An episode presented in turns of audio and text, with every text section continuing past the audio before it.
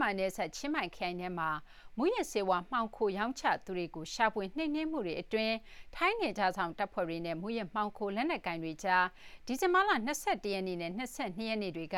အပြန်အလှန်တိုက်ခိုက်မှုဖြစ်ခဲ့ပါတယ်။ဒီတိုက်ခိုက်မှုတွေအတွင်းမူးယစ်မှောင်ခိုသမား၃ဦးသေဆုံးခဲ့ပြီးစိတ်ကြွဆေးပြားအလုံးရေ၂သန်းကျော်ဖမ်းမိခဲ့တယ်လို့ထိုင်းတာဝန်ရှိသူတွေကပြောပါတယ်။ထိုင်းအခြေစိုက် VOA သတင်းထောက်မအေးအေးမာကအပြည့်အစုံသတင်းပေးပို့ထားပါတယ်။ ထိုင်းမြန်မာနယ်စပ် ချင်းမိုင်ခရိုင်အတွင်းမှာ ဒီဇင်ဘာလ ၂၁ ရက်နေ့က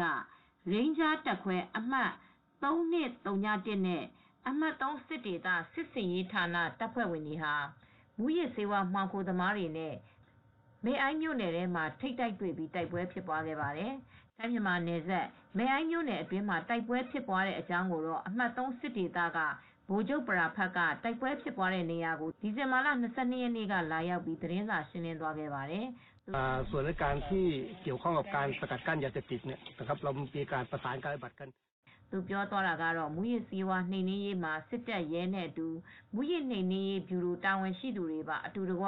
ပူးပေါင်းလုပ်ဆောင်ကြပါတယ်။ရရှိလာတဲ့သတင်းအချက်အလက်တွေကိုမျှဝေပြီးထိုင်းနိုင်ငံအတွင်းကို မူရစ်ဆေးဝါးတွေ ဝင်ရောက်မလာနိုင်အောင် ပိတ်ဆို့တားဆီးနေပါတယ်ဆိုပြီးထိုင်းဘာသာနဲ့ ပြောဆိုသွားပါတယ်။ဖြစ်စဉ်ကတော့ ကျောဘုံအိတ်တွေလွှဲထားတဲ့ အင်အား20ခန့်ပါတဲ့ မူရစ်မှောင်ခိုသမားတွေဟာ ထိုင်းမြန်မာနယ်စပ်ကနေ ဝင်လာကြတာကို စစ်ဆေးဖို့အတွက်ရပ်တန့်ခိုင်းခဲ့ရမှာ မူရစ်လက်နက်ကင်တွေက စတင်ပစ်ခတ်ခဲ့တာကြောင့် နှစ်ဖက်ကြား9မိနစ်ကြာ တိုက်ပွဲဖြစ်ပွားခဲ့တယ်လို့ ဆိုပါတယ်။တိုက်ပွဲဖြစ်ပွားပြီးတဲ့နောက်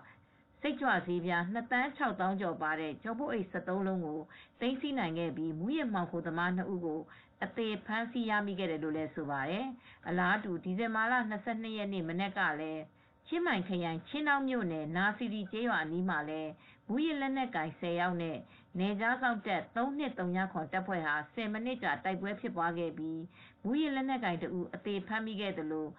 စိတ်ကြွဆေးပြား2သိန်း2400ကိုလည်းသိမ်းဆည်းနိုင်ခဲ့တယ်ဆိုပြီးနေကြားဆောင်တက်ကပြောပါတယ်